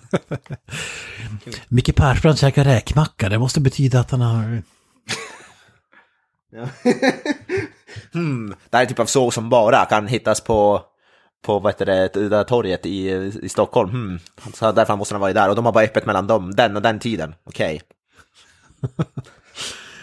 Ja, och s- och sen får vi typ eh, den där gubben som har eh, visar tunnelritningen över hela Stockholm och så går ju kors och tvärs över hela jävla kartan, det är bara svart. Och så säger ju Micke Persbrandt säger lite senare att Stockholm är ju byggt på ett jävla bävernäste. det är också jävligt kul. Fan, det är så jävla mycket one-liners från Micke P i den här filmen alltså. Men det, det, är, det är ganska läskigt egentligen man tänker på att hela staden, det finns tunnlar överallt där någon jävel skulle kunna ta sig upp och ner. Mm. Förmodligen inte lika lätt som i den här filmen, men ändå. Ja, de säger ju det att om någon vet, kan de där så är det omöjligt att hitta någon där nere. Om det är någon som kan tunnlarna så att säga. Som att hitta en pingpongboll i universum. Ja, exakt. Pingisboll, pingisboll i universum. Fan. Det är ett bra uttryck. Sen får vi en scen som påminner mig om så här typ Stargate-filmen eller så här någon Tomb Raider-historia typ. Det är som att hitta hieroglyfer i en grotta när eh, Martin Beck går i den här gångtunneln och ser en tag som är sprayad X minus C. Eller en ba bak bakåtvänd parentes eller vad de kallar det. Fan vad kul. När hans love interest, när de inser att det här är sprayat på alla platser och hans eh, flickvän berättar att det betyder död på internetspråk. Ja, det måste ju vara någonting som de har kommit på från den här filmen. Jag har aldrig någonsin sett det där tecknet användas. Men jag tänker det måste vara en smiley en- eller? Nej, alltså du som, eh, Jukka Voja är ju en eh, avid eh, user på dark web också, så han borde ju veta det här liksom. Ja, jo, jo. Det är där Så bara där jag hänger. på att eh, det, det här betyder inte ett skit faktiskt. Fan, nej, men ni, ni är mer down with the shit i internetspråket än vad jag är. Jag, jag köper ju liksom, jag minar ju bitcoins medan vi pratar här nu liksom, så det... Ja. Kalle får betalat i bitcoin på sitt jobb. Ja, det, var ett, av- det var ett av hans krav. Att han skulle jobba där. Ja, men man, man har stängt av trafiken en dag men man släpper på den igen och då sker givetvis nytt mord, tre nya personer på två olika ställen. Och då är en snubbes största problem att det kommer bli trafikkaos. Inte att det har skett liksom, vad fan blir det, Ja, 57 nej. Det blir lite sägande för hur SL har reagerat för filmningen kring den här filmen, så det blir lite att man försöker smyga in det i den här filmen också i så fall, eh, tänker jag. Det var ett krav från dem liksom, att lyfta den. Ja, precis. Ja, precis. Få se så jävla dåliga ut som möjligt här nu i den här filmen. Ja, för fan. Och så säger de det här att det som har hänt saknar motstycke i vårt land. Och ja, det är någon form av terrorattack ändå får man ju lov att säga. Ja, ja, ja. Det är jävligt brutalt. Det är ju jävligt mycket mord. Mm, mm. Det, är fan, det måste ju vara ett av de Beck-filmer som har störst antal body count ändå. Eller? Ja, vet du Det måste fan det måste kanske. Det måste ju vara i toppen i alla fall. Oftast Ja. handlar det typ om ett eller två mord i typ varje Beck-film. Ja, precis. Det är sällan det är en seriemördare eller, eller så, så, så är det. Ja, exakt. Det är ofta någon sån här typ förbannad, förbannad kollega eller älskare eller någonting som bara råkar slå till dem med någon sån stor klocka i köket typ. Han skulle, vad heter det, casha ut eh, försäkringspengarna liksom. Nej. Ja, typ. exakt. Där har du, all, där har du 20 Beck-filmer i ett nötskal. Vi, vi kan väl hoppa till grannen. Som får den Nej, absolut för lite. bästa introduktionen någonsin i den här filmen. Alltså det, det, det har ju varit lite, vad ska man säga, ett litet spätt mellan eh, Lena, eller vad hon nu heter, och eh, Martin Beck när eh, de diskuterar huruvida han, hans, vad ska man säga, intresse för det här jobbet eller jo, jobbets vara eller icke vara och det slutar med att eh, han mer eller mindre skriker på henne, hon springer ut ur lägenheten och han jagar efter henne. Samtidigt som hon sticker ut så kommer grannen in från hissen och säger med en gång Där stack nästa fru. bästa jävla Ja. introduktionen någonsin. Jag skrattade som fan. Jag var tvungen att pausa filmen och gå tillbaka för att se det igen. Han är så jävla kung alltså, fan. Alltså när han säger... eh, i huvudet? Ja, vad fan tror du? Det är ju ditt fel. Hela stan är kaos. Ingenting fungerar. Blir du nedtrampad i någon jävla busskö när jag... Alltså folk är ju rabiata. Varför gör ni ingenting? Vi gör så gott vi kan. Ja, just det. Ni jagar eh, snattare och skattefifflare. Du, vi befinner oss just nu mitt uppe i en av de mest komplicerade mordutredningarna Ja, vad som... fan står du här för då? Åh helvete! Jävlar! Tänk att man ska behöva bryta in för att det ska bli någonting gjort. Men ger han håller ju någon jävla tavla så också, så ger han den. Men kan du hålla i den här? Och så sen... Alltså, han är inte med mycket grannen, men fan vad bra han är. Alltså. Ja, det är ju ingen, det är ju ingen vad heter det, eh, sugrör genom posting, postingkastscen. Men Nej, nej. ja, den är ju i, står i Louvren så att säga. När det gäller Ja, ja, ja. En av de bästa svenska scenerna någonsin i alla fall. Eller kanske överhuvudtaget. Ja, fy fan. Eh, Men vi hoppar fram lite till då. Vi har ju lämnat grannen och så vi får ju även en cameo från Lasse Lindroth. Den här komikern som jag tyckte var kung på 90-talet men som omkom i någon trafikolycka i Norge tror jag att det var för sjukt många år sedan. Ja, just det. Just det, ja. En dokumentär på tv om han för inte så länge sedan faktiskt. Ja, precis. Jag jag såg faktiskt den. Ja. Jag såg lite, ja, jag såg lite grann om Ja, jä- jävligt tragiskt. Jag tyckte om honom som fan. Tyckte han var jävligt rolig alltså. Han spelar ju Becks dotters man så att säga. Eh, Och Becks dotter ge- ger honom ännu en snilleblixt när hon säger att vad fan du brukar ju sova över på jobbet och du har alltid prioriterat jobbet före familjen och hela den här biten. Och då kommer man ju på att fan också den här, den här tågpiloten sover garanterat över i vagnen. han beger sig dit eh, och då får vi veta då att den här tjejen med ärren är ju inte hans eh, flickvän utan det är hans eh, syrra. Ja, han, han berättar att eh, det är ett gäng ungar som han kallar det som bor nere i tunnlarna och att hon hänger med det gänget som är farliga och att han har, få, han har försökt få henne att sluta hänga med det där gänget för att de gör så jävla sjuka grejer och han, han säger bland annat att de har levt i tunnlarna sedan de lärt sig krypa. Det, det, jag skulle vilja säga att det, det är här någonstans där filmen börjar kännas eh, lite dum i ärlighetens namn. Alltså det, det, Men det är här framtids och cyberpunk-elementet kommer in ändå.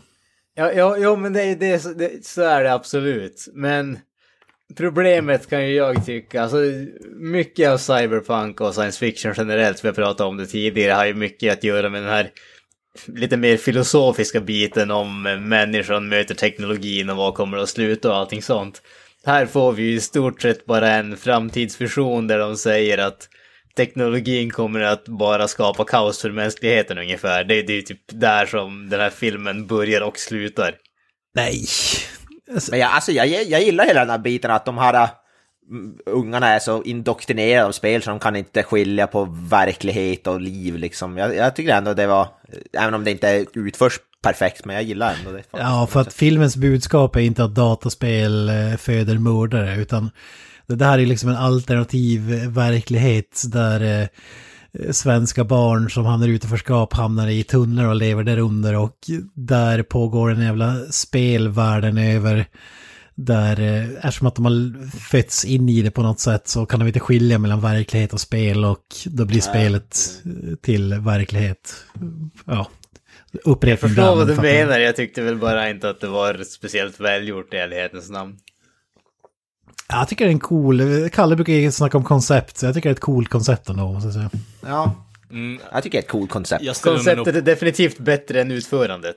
Eh, Ja, jag, Till viss del. jag står på din sida här Granström egentligen. Återigen, det är ett bra koncept, men eh, det hade kunnat hanterats lite bäst smidigare faktiskt. Eh, istället för att bli ihopslängt typ sista kvarten liksom. För det, det han berättar för att de för ska fatta att de, de bor nere i tunnlar och de har ett headquarter där, där de spelar, eh, sitter och spelar dödsspel som man kallar det. Eh, vilket ser ut som, eh, ja vi kan ta vilket spel det är alltså sen, på en dator och kopplar upp sig mot nätet mot folk från hela världen och använder dokumentära bilder. Det, det var någonting jag inte riktigt fattade vad han menade. Men typ som att det skulle vara på riktigt. Och då vet jag inte om man menar att de mördar folk, filmar och lägger upp det på nätet eller om det var någonting med spelet, det vet jag fan. Det var Nej, det förstnämnda var, jag det, det var ju också... Ja, precis. Men det var, det var ju också en sån här grej där de säger att Ja, ja, alltså man gör det för att komma till nästa nivå, men vad betyder det i sammanhanget? I spelet, absolut, jag förstår det, men vad betyder det i verkligheten att komma till nästa nivå? Ja, det, Nej, det- det säger de kunnat- ju inte riktigt. Hade, man hade kunnat gå in lite mer på gruppens dynamik där och eh, deras Mm. eh, resonemang istället för bara att okej, det här är utstötta människor, de har ingen verklighetskoppling överhuvudtaget och de tycker om att sp- spela tv-spel. Det det, Ja, men det alltså, det, här är vi tillbaka till att vi behöver inte förklara den här skiten, det spelar ingen roll. Men som jag tolkar det så att de är så jävla galna så de, de har ingen aning själva vad fan det betyder. Utan de har ju, bara, de har ju börjat med det här nu och mörda folk. Det är inte så att har mördat folk i 20 år nere i tunnelbanan utan... Nej, nej, alltså, men det enda som jag säger, säger i det här fallet Kent är att jag är ny- nyfiken på deras motivering kring det. Eh, alltså istället för att bara, ah, men komma till nästa nivå, bara, aha, okej, och vad innebär det då? Ja. Jag gillar ju det här för att, jag gillar ju för att det verkar som vara ett globalt fenomen det här spelet, så det är ju någonting som pågår över hela världen, Mm. så det finns ju säkert något typ av regelsystem eller någonting som inte vi är insatta i. Nej, precis. Vi kommer tillbaka till det för att det får ju en cliffhanger också i slutet. Att det finns en större fortsättning på den här grejen. Ja, exakt, exakt. Men, men det, är- det är samma som, för, för att om man tänker när, ni sätter er ner och spelar, eh, inte fan vet jag, CS eller något krigsspel, eller Doom säger ja, vi. Så, vi. Vi fattar vad du menar liksom. Eh, Ja men Doom, du mördar ju folk, men varför gör du det? Du gör det bara för att det är kul, typ, och det är ett spel. Och det, det är väl typ samma här kan jag tänka mig. Det är väl ingen större förklaring varför man ska... Det är bara att en kill ger poäng och experience typ, så att det kommer upp till nästa nivå. Ja. Typ så. Ä- Alltså, pro problemet för mig här, vi, behöver inte gå in i det ännu mer än vi har gjort.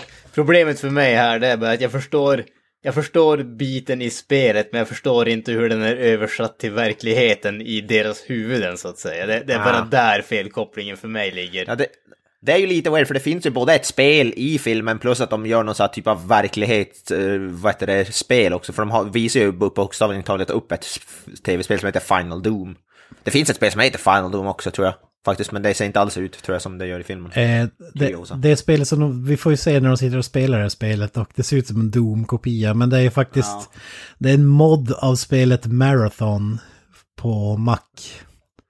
Åh, Det, det, fan, det, det kan man ju säga också i, utan att eh, gå allt för långt fram, men när, eh, när de hittar, om man säger det här eh, fabrikshögkvarteret och de hittar den här lilla killen som sitter och spelar där, då får vi ju faktiskt eh, menyskärmen från Marathon 2 Durandal. Så att, eh, Mm. f- gjort av Bungie som sedermera skapade Halo och Destiny. Så att, Ja. eh, ja. Ja, det är coolt. Men det ser man ju, för jag, jag googlade på Marathon och så game, eh, vad säger man, screenshots typ och då ser man faktiskt de här gubbarna som eh, de mördar i spelet ser exakt likadana och, och då förstår jag som att de har bara gjort någon slags mod där det är vissa små delar i spelet som är ändrat men det, det är bara en tweak på Marathon-spelet då. Sen om det är 2-1 eller det, det vet jag inte. Men Ja, jag tyckte fan det såg coolt ut, jag, blev, fan, jag, jag tänkte vem spelar det spelet, tänkte jag när jag, såg det. det är bara det här Marathon då. Ja. Finns på diskett och sidor om. Eh, ja, det är lite coolt. Men ni, ni hade hört talas om spelet. Det var du Knut som reagerade där eller? Ja, Marathon ja. Ja, jo. Det är ju, som, jag har inte spelat själv, men det är ju som, som Granström sa, Bungie som har gjort Halo, det är deras, några av deras första spel. Så det är klart man har talas om Marathon. Ja, just det. Abs- absolut, absolut. Har ju för övrigt ryktats om att det ska få en eh, remake eh, på senare tid. Jag vet inte hur mycket substans det finns i det ryktet, men det verkar väl vara väldigt många som är sugna på det. Och Bungie har väl sagt att de håller på med någonting som är nytt, men kanske inte helt nytt. Så vad då det ska innebära så att säga. Fan, då hoppas man ju på en Hollywood-version av Spårmörker också samtidigt. När de ändå håller på, ska de göra en remake så kan de göra en remake av en riktigt bra film i alla fall. Exakt. Eh, vi, vi får reda på några grejer här också. Att det, det visar sig att det är hans eh, syrra där som har kopierat. Han har, han har tillgång till ritningar och nyckeln och allt det här. Och hon har i princip snott allt av honom för att komma åt dem. Och det visar sig att hon är någon sån här datahacker åt det här gänget. Hon är inte en av de som mördar folk men hjälper dem. Eh, och så Beck övertalar honom att visa vart, vilken tunnel de går in i. Alltså för att de ska försöka hitta det här gänget då. Men de ringer in insatsstyrka men Beck kan ju givetvis inte vänta så de kliver in där och då blir den där Erik halshuggen av det här gänget som stiger in i en jävla ambush. Och, och så det är så jävla kul då när eh, Beck åker hem. Han ser ut som den här eh, fotbollsspelaren Terry Butcher, Kapten Blod som han kallades. Från så här legendarisk match när han blödde över hela jävla skallen och hade stort fett bandage runt huvudet. Eh, när han åkte hem hos farsan till eh, de här två för att få veta mer om eh, hans systern och bror. där då. Och då är ju Björn Granat. Direktör Jönsson, fyra personer som är farsan. Vad, vad säger du om hans insats? Underbar. Han som har en massa, det han som har, har jävla mycket klockor på sitt bord? Ja. Hans hobby är typ väckarklockor eller vad fan. Ja, fan, men sen, Ja, nej för fan. Nej då, jag menar inte så. Lite av en hobby om man säger så. Något hör knappt vad de säger. Hör knappt vad de säger, det är det jävla tickandet av alla jävla klockor alltså. jag, jag, jag känner bara att vi, vi måste, jag, jag vill katta in här så att säga. För vi får ju den bästa avslutningen på en scen någonsin här också. Fick grannen det bästa introt så har vi det här det bästa outrot. De har pratat liksom att han har inget eh, förhållande med sina barn, han vet inte var de bor eller någonting sånt. Och sen helt randomly bara... Ska vi byta arm? Och så slutar scenen. Ja. Så jävla bra. Ja, så helt jävla random. Så jävla kung, för han är lite halvalkis eller helalkis eh, grejen också. Ja, det var sjukt kul alltså. Alltså det ändå, känns som, som, där som han sa, så här improvisera bara, och sen valde de han med det i filmen typ. Ja, att han det- fråga, fråga Peter Haber bara, ska vi provbryta arm bara? Ja, mellan scener och tagningar liksom. Ja, typ. Det, det känns verkligen så, men det är ju så underbart. Eh, men vi hoppar vidare. Den här, eh, han får tag i syrran, de har en lång eh, se förhörsscen där och så slutar det med att hon snitchar på det här jävla gänget. Och avslöjar vart de håller till. Och det finns en ganska cool scen där också när de går ner i tunneln och slår till mot det här högkvarteret med insatsstyrkan och grejer. Tjocka dataskärmar, gråa överallt och, och så hittar de den här Jens-ungen som i sin tur snitchar att det här gänget är på en sista raid just nu. Final raid.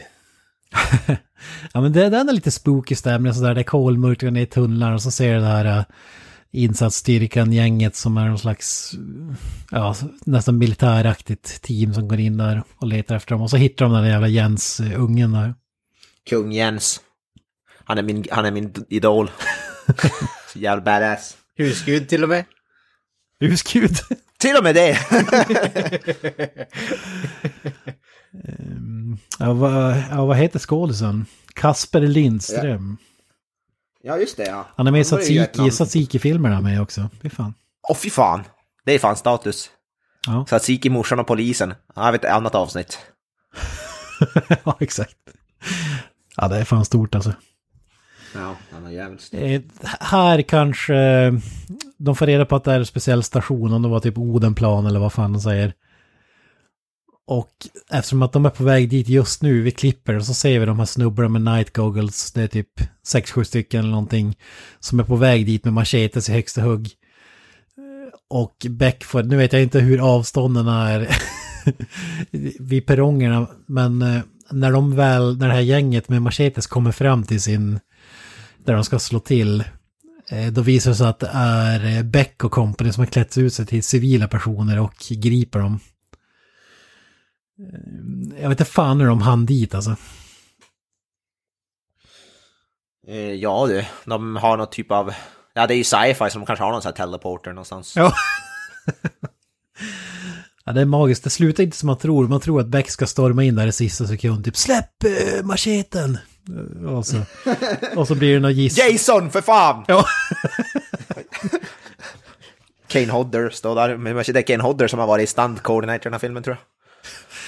Peter Haber rakar av sig allt hår, det lilla han har och så spe, spe, spelar han unge Jason. Liksom. Ja, Far, vad heter det? Familjen Adams. Han hade kunnat spela, vad heter det? Fester eller vad han heter. Uncle Fester. Ja, fan.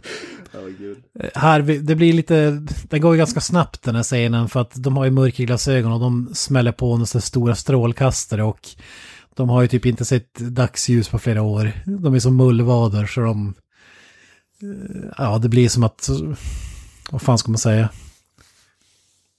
Paralyserar dem, de faller ihop i princip. Ja, ja de lyser. Det är inte så skönt tror jag, night goggles, sådana night vision goggles så får du starkt ljus direkt i. Det förstärks ju lite så blir de ju, man ju i princip blindad. Det vet alla som har provat spela Splinter Cell och sen tagit av, vad heter det, stoppat på night vision goggles i ett upplyst rum. Fy Fy fan, jag vet, I know the feeling. Det, det, det var det här med att separera, separera verklighet från tv-spel. Va- Vadå? Jag, jag fattar inte, Spl- Splinter Cell är ju verklighet. Jag, jag, förstår inte vad, du- jag förstår inte vad du menar. Knösen är ju-? Allt är ett spel. Knösen är ju Sam Fisher liksom. Ja, Ja men så är det fan. Tror inte tror jag heter Joakim Avoya. Vem fan skulle välja det namnet? Ja, men vi skippar till slutet, då får vi se, det är även snubben där från, vad fan är det, Tre Kronor eller Rederiet eller vad det är, som är ledaren för det här gänget. Jag vet inte fan vad han heter, men de griper dem och så är det några, det är så pressuppbåd utanför eh, stationen där när allting är över. Och så kommer det fram en snubbe, amerikansk reporter som frågar på engelska om, man- om eh, Bexin och samband med det som hände i tunnelbanan i New York igår. Och då säger ju, snackar med sin love interest och säger att ja, jag kanske måste åka till New York. Det är så här cliffhanger, det är som att Martin Beck ska till New York och härja och reda ut ett till eh, Final Doom-gäng Men, där. vi- men vi får väl aldrig någon, vi får ju aldrig någon vad som händer där Nej. i nästa film. Det är fan synd alltså. Det, det där tror jag också har att göra med att man trodde att det kunde vara sista filmen. Det är en jävla bra cliffhanger ändå. Man ser framför att Ja, Beck ska ner i tunnlar i New York och härja. Det är lite större jaktmarker. ja. Jag hade fan velat se den filmen. Beck, Beck i New York. Som i Crocodile Dundee in eh, Hollywood, eller fan heter den? Los Angeles. Jag tänkte där är slutet på Blade, där är när han vet, far till Ryssland eller något. Det var Ryssland. Ja, precis. Ja. Ja. Fan vad kung. ja. Fin Blade-referensen där också. Mm. Och när Andrew Cardicene rullar, då går ju Micke P hand i hand med den här ungen Jens. Eh, lite oklart varför. Ja, det kan ju misstolkas. Nu kommer vi tillbaka till Gremlins-avsnittet här och följa med pojkar inne på... du och gå in i en skåpbil och snacka lite allvar här, du och jag. De, de, kanske, de kanske skulle gå och köpa en sån där uh, bathroom buddy. Vill du ha Den lite kan göra allt. tuggummi? Vad sa du? Vill du ha lite tuggummi? Jag tror du sa något annat gummi. Jag tänkte, vad fan. ja. ja, det kommer fram sen. Jag menar, de swordfightas ju innan liksom. Jag har gummi. Ja, swordfight. Ja, de ska ha en annan typ av swordfight. Ja, det är lite stökiga grejer man kan läsa in i det där. Kro, kro, de ska korsa, korsa svärd, så att säga. Det, det blir en helt annan typ av Star Wars lightsaber duel. Ja, ja fy fan. Så det här blir ett annat Gremlins. De som är PK ska inte liksom prata. Ja, men innan vi knyter eh, Persbrandt till säcken här, avslutade tankar. Vi, går varvet runt. Kalle, vad säger du? Eh, nej, men som jag sa inledningsvis, eh, väldigt kreativ film för att vara svensk. Eh, ironiskt att det är en dansk jävel som har gjort den. Eh, men eh, hej, jag klagar inte direkt. Eh, jag tyckte om filmen. Eh, det finns väldigt mycket bra stunder i den som vi har tagit upp här. Speciellt grannen i alla fall tyckte jag också var väldigt bra. Ehm, sen så finns det ju så här, eh, Persbrandt har ju, eller hans karaktär har ju fått skrivet till sig massa jävla one-liners out the ass. Som alltid. Ja, Magiska. eh, ja, absolut faktiskt. Eh, sen så får jag även då komma, kommentera på att eh, eh, vissa aspekter av den här filmen tycker jag drar ner den lite. Den blir väldigt så här, daterad i, eh, det bara wow, it's the 90s, bara med frag och massa sånt datorträcken liksom. Det, det, är, det är nästan som man sitter och bara, man vill krypa in i sitt eget skinn liksom, för det, det, jag vet inte riktigt, det låter inte bra i en svensk film bara att höra någon säga de är på en sista raid, eller en, bara jag är den sista fragen här nu, eller vad fan man Ja. liksom säger. Man blir bara, oh. Fan, hade den här filmen kommit ut idag och de skulle helvete, de hade ja fy fan. Ja. det finns ju så, jävla mycket sådana online-uttryck. Mm. Jävlar. Somg, men eh, som sagt.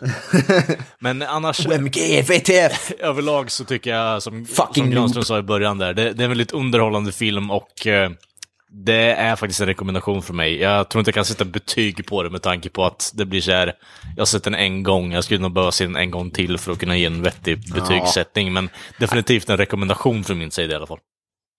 Ja, det tycker jag är svårt att betygsätta den där. Det, filmen är ju så jävla pass gammal, men ska man sätta den med så här rättvis betyg med tanke på när den kom ut så skulle jag i alla fall sätta säkert i alla fall 8 av 10 kanske eller någonting.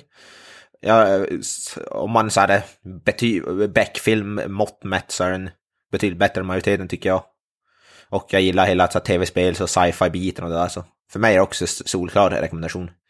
Jag Tycker den är riktigt bra faktiskt. Positivt överraskad. Bättre än vad jag kommer ihåg att den var till och med. Faktiskt. Ja, Alltså jag, jag kan ju inte annat än instämma med er två. Jag tyckte att den var riktigt underhållande, förvånansvärt välgjord.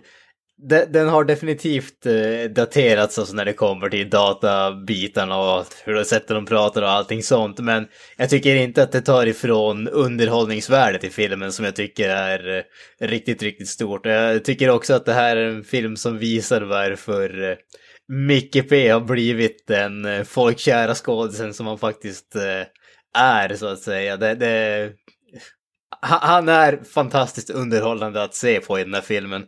Och dessutom tycker jag att Peter Haber är oerhört underhållande också. Speciellt i början av filmen när han är sur för att han har missat på sin semester. Det, det, det, det, är väl den absolut mest underhållande biten av filmen för mig. Bara att ha två stycken som verkar vara perpetually pissed off så att säga. Det är förvånansvärt underhållande. Men äh, alltså, för min del så är det definitivt en rekommendation och jag måste erkänna att jag blev faktiskt sugen på att se på fler Beck-filmer för att det var så extremt länge sedan som, som jag såg dem. Och äh, håller de kanske inte den här kvaliteten men åtminstone någorlunda så när den här kvaliteten så kan jag ändå tänka mig att som, de är värda att se igen, så att säga. Ja, det är de ju alltid. Vi kommer att referera till uh, Beck Lockpojken i nästa 150 avsnitt. Nice. På de där mörka referenserna kommer ju hagla efter det här. Mannen med ikonerna. Och Kent, då, hur, hur, starkt, hur stark tia vill du ge den här filmen då? Av 10? Ja, jag kan inte ge den något annat än en 10. I alla fall när det gäller svensk film, fan. Eh, Klockren eh, tia, jag tycker det är fantastisk. Eh, den mest underhållande Beck... Ja, eh, den, den mest intressanta Beck-filmen i alla fall.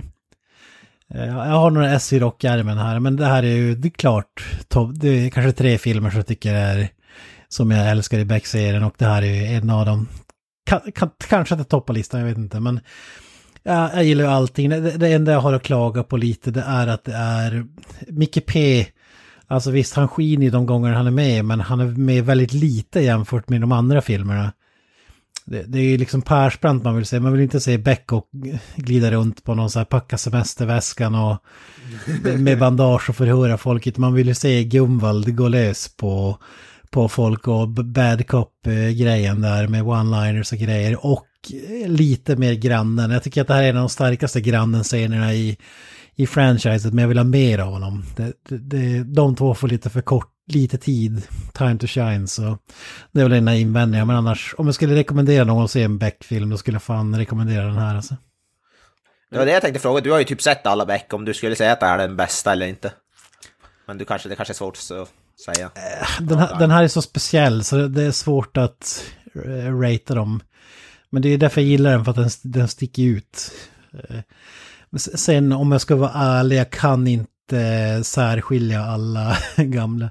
Men om man säger av Peter Haber-filmerna, då, då är det nog min favorit. Men ska vi börja räkna de lite äldre, just Ekman och sådär, då, då är det någon där som tar priset kanske. Eh, Det finns några riktigt, tre, tre riktigt bra där i den innan vi går in i Peter Haber franchiset. Eh, Så, men topp top tre totalt är den absolut. Det, det ska jag säga.